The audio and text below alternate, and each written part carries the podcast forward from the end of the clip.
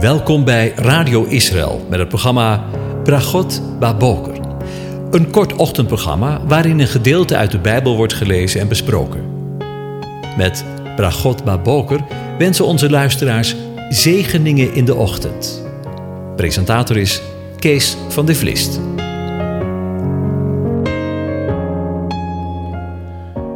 Goedemorgen, Bokatov, beste luisteraars. Vanmorgen gaan we weer verder met het overdenken van Psalm 94. Ik lees het je voor. De Heer is een veilige vesting, hebben de vertalers erboven gezet. O God van alle wraak, Heere, God van alle wraak, verschijn blinkend. Rechter van de aarde, verhef u, vergeld de hoogmoedigen naar wat ze verdienen. Hoe lang zullen de goddelozen, heren, hoe lang zullen de goddelozen van vreugde opspringen? Hun mond doen overvloeien, hooghartige taal spreken. Hoe lang zullen alle die onrecht bedrijven zich beroemen? Heren, ze verbrijzelen uw volk, ze verdrukken uw eigendom. De weduwe en de vreemdeling doden zij, ze vermoorden de wezen en zeggen: De Heere ziet het niet. De God van Jacob die merkt het niet. Let op, onverstandige onder het volk, dwaze, wanneer zul je verstandig worden? Zou hij die het oor plant niet horen? Zou hij die het oog vormt niet zien? Zou hij die de heidevolken bestraft niet straffen? Hij die de mens kennis bijbrengt? De Heere kent de gedachten van de mens, vluchtig zijn ze. Welzalig de man die u bestraft, Heere, en die u onderwijst uit uw wet. Zo geeft u hem rust voor dagen van onheil, totdat de kuil van de goddeloze gegraven wordt. Want de Heere zal zijn volk niet in de steek laten, hij zal zijn eigendom niet verlaten. Want het oordeel zal weer rechtvaardig zijn alle oprechten van hart zullen ermee instemmen. Wie zal voor mij opkomen tegen de kwaaddoeners? Wie zal zich voor mij opstellen tegen wie onrecht bedrijven? Als de Heere mijn helper niet was geweest, had mijn ziel bijna in de stilte gewoond. Toen zei ik: Mijn voet wankelt. Ondersteunde uw goede tierenheid mij, Heere. Toen mijn gedachten binnen in mij zich vermenigvuldigden, verkwikte uw vertroostingen mijn ziel. Zou de zetel van het verderf van een verbintenis met u aangaan die onheil sticht bij verordening? Ze spannen samen tegen de ziel van de rechtvaardige. Onschuldig bloed verklaren zij schuldig. Maar de Heere, die is mij een veilige vesting geweest. Mijn God is mij een rots, mijn toevlucht. Hij zal hun onrecht op hen doen terugkeren. Hij zal hen in hun slechtheid ombrengen. De Heere, onze God, zal hen ombrengen. Tot zover. Ja, vandaag denken we over, voor de derde keer alweer, over het dilemma van de wrekende God. En we maken eh, weer een vervolg met, over dit uh, onderwerp. En we hebben eerder gezien dat het van belang is om vast te stellen dat Psalm 94 in de eerste plaats iets zegt over de schrijver. Geïnspireerd, dat wel, door God zelf. Laten we dat niet vergeten. Het zijn Gods woorden. Zelf. Die ook vanmorgen naar ons toe komen. De reden waarom hij dit zij dient dus centraal te staan. En met hij bedoel ik dan de schrijver. En vanuit dat besef dat de wet, zoals opgetekend door Mozes, Moshe, uit de mond van de Heere God voor hem een realiteit is. Dat de schrijver God in vers 2 als rechter de aarde aanspreekt, betekent dat de in vers 1 genoemde wraak niet de betekenis heeft van kwaad met kwaad vergelden. Het gaat evenmin om buitenproportionele wraak. Het is een rechterlijk ingrijpen naar de rechtvaardige normen. waarbij het oordeel niet is aan de mens, maar aan de rechtvaardige rechter met een hoofdletter. Bij de voorbereiding op dit programma las ik het volgende en ik lees het aan je voor. Op het moment dat we rechtvaardigheid erkennen als een essentiële eigenschap van de goddelijke natuur, is het onmogelijk om de straf, strafactiviteit van de goddelijke regering over het hoofd te zien. Een rechtvaardige God kan zonde, misdaad en onmenselijkheid niet zomaar even door de vingers zien. Alsof het niet heeft plaatsgevonden.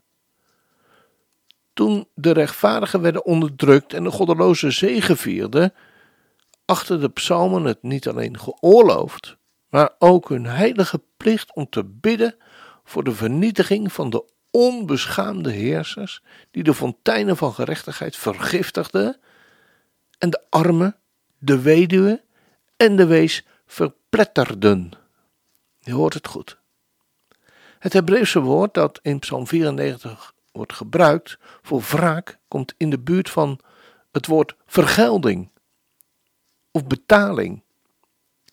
Het Hebreeuwse woord, ik kom daar later nog op terug, wordt in het Hebreeuws gebruikt in de meervoudsvorm en daarbij is het in het Hebreeuws gebruikelijk om iets van Gods grootheid te laten zien. De betekenis van dit woord voor wraak heeft niets te maken met ik zal mijn lusten is botvieren op ze. Maar het weerspiegelt als het ware dat wat we vinden in een aantal andere psalmen en ik zal er voor de duidelijkheid een aantal aanhalen. In Psalm 28, vers 8, daar lezen we over wraak in de context, en dat is belangrijk, van overwinning. Daar staat: De Heere is hun kracht. Hij is de kracht achter de overwinningen van zijn gezalfde. En in Psalm 42, vers 6, daar lezen we over wraak in de context van verlossing.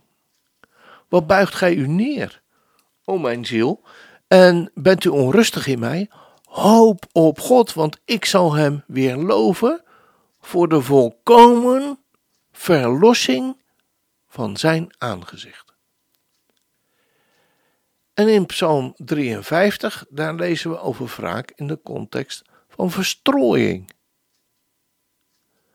En daar lezen we, daar zijn ze de angst bevangen, maar er was niets ontzagwekkends, want God heeft de beenderen van uw belagers verstrooid. U hebt ze te schande gemaakt, omdat God hen heeft verworpen. En als laatste lezen we dan over wraak in Psalm 73, vers 17, in de context van het einde van de weerstand en de tegenstand en de tegenstanders. Dus het einde van de tegenstand en de tegenstanders. Want daar lezen we. Toen heb ik nagedacht om dit te kunnen begrijpen, maar het was moeite in mijn ogen totdat ik Gods heiligdom binnenging en op hen lette. Ja, misschien is het wel een beetje moeilijk, maar wat ik hiermee wil zeggen vanmorgen is het volgende. De wraak van God werkt zich uit door het volk van Israël en voor iedere individuele gelovige van verlossing, verstrooiing en het einde van de tegenstander en de tegenstanders. Ik lees het nog één keer voor.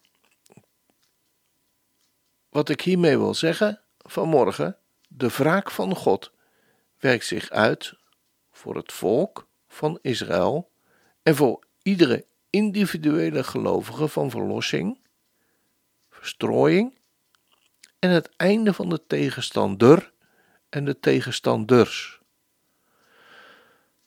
En dat lijkt me toch een genuanceerder beeld te geven van wat we mogelijk eerder vermoeden in het beeld van een wrekende God door te schrijven over God van wraak, wordt de indruk gewekt dat wraak een bepalend kenmerk van God zou zijn. En dat is echt een misvatting. JHWH is niet de God van wraak. Wraak is niet een belangrijke karakteristiek van hem. Wraak wordt uitgewerkt in verlossing, verstrooiing. Het einde van de tegenstand maken. En dat is heel wat anders. Hij beschrijft zichzelf in Exodus 34, vers 6 en nummer 14, vers 18, veel meer als een langzaam tot toren, traag in toren, staat er in de Statenvertaling, maar overvloedig in loyale liefde. Dat is God. Laten we daar vanochtend maar eens mee eindigen. Want als dat geen zegen is. We gaan vanmorgen luisteren naar het lied God van Trouw.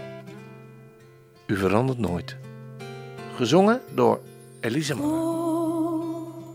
van trouw,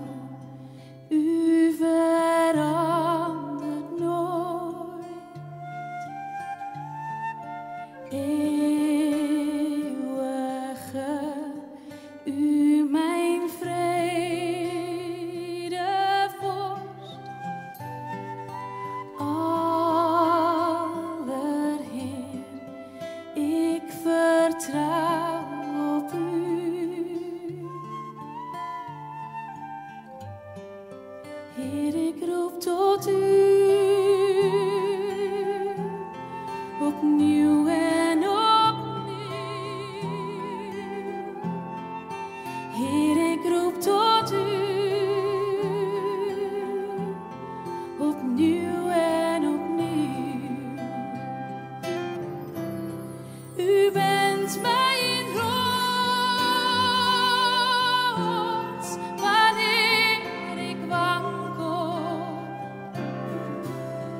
you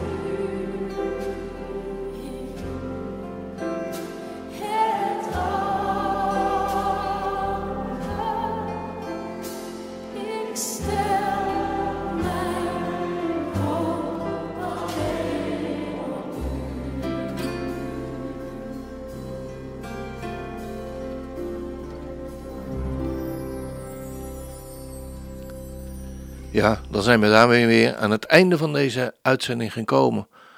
We mochten luisteren naar het woord God van trouw. U verandert nooit. God is trouw aan zijn woord.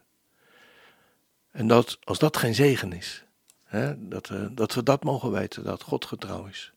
En nooit één woord zal laten varen. Het werk van zijn handen.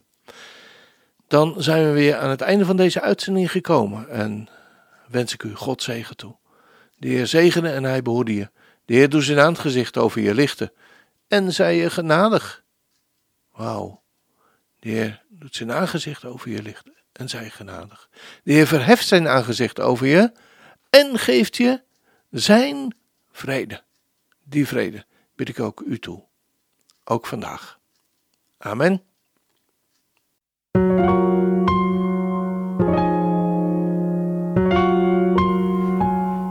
U hebt geluisterd naar het programma Bragot Baboker. Een kort ochtendprogramma waarin een gedeelte uit de Bijbel wordt gelezen en besproken. Wilt u het programma nog eens naluisteren, dan kan dat. Ga naar radioisrael.nl en klik onder het kopje radio op Uitzending gemist.